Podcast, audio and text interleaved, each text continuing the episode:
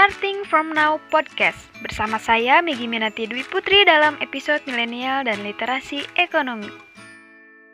Guys, guys, ngerasa nggak sih sekarang banyak orang yang sangat konsumtif?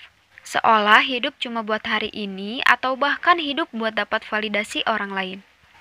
Ketika industri sempit seperti sekarang, baru sadar bahwa selama ini udah ceroboh dalam mengeluarkan uang.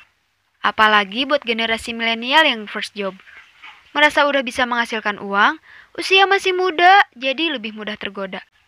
Terkadang, tren dan lingkungan pertemanan pun memaksa untuk bisa mengikuti gaya hidup yang serba kekinian. Ternyata guys, ada beberapa faktor yang menyebabkan milenial menjadi seorang yang sangat konsumtif.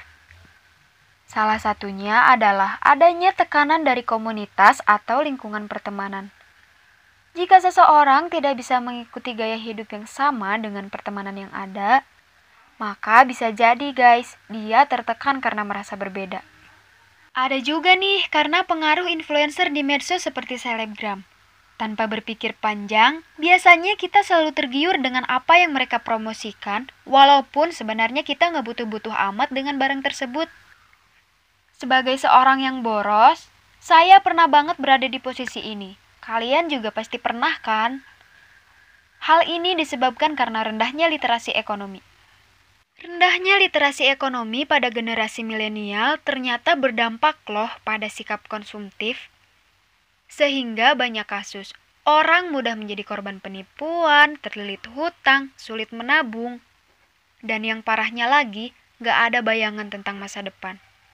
Sebenarnya literasi ekonomi itu apa sih? Jadi guys, literasi ekonomi adalah pemahaman dasar ekonomi tentang konsep dan pengaplikasiannya dalam kehidupan sehari-hari. Orang yang melek literasi ekonomi setidaknya mampu mengendalikan diri dalam mengelola sumber daya ekonominya. Nah, guys, pengendalian inilah yang akan berpengaruh pada sikap mental untuk lebih fokus pada tujuan keuangan di masa yang akan datang.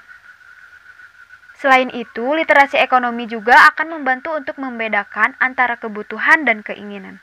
Tapi guys, literasi ekonomi tidak menjamin seseorang menjadi konsumen yang tidak pernah salah melainkan mendorong menjadi konsumen cerdas, yakni konsumen yang dominan membuat keputusan, mementingkan benefit daripada biaya, dan bukan sebaliknya.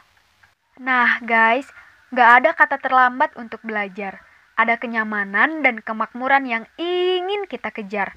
Jangan sia-siakan waktu yang kita miliki. Saatnya milenial melek literasi ekonomi.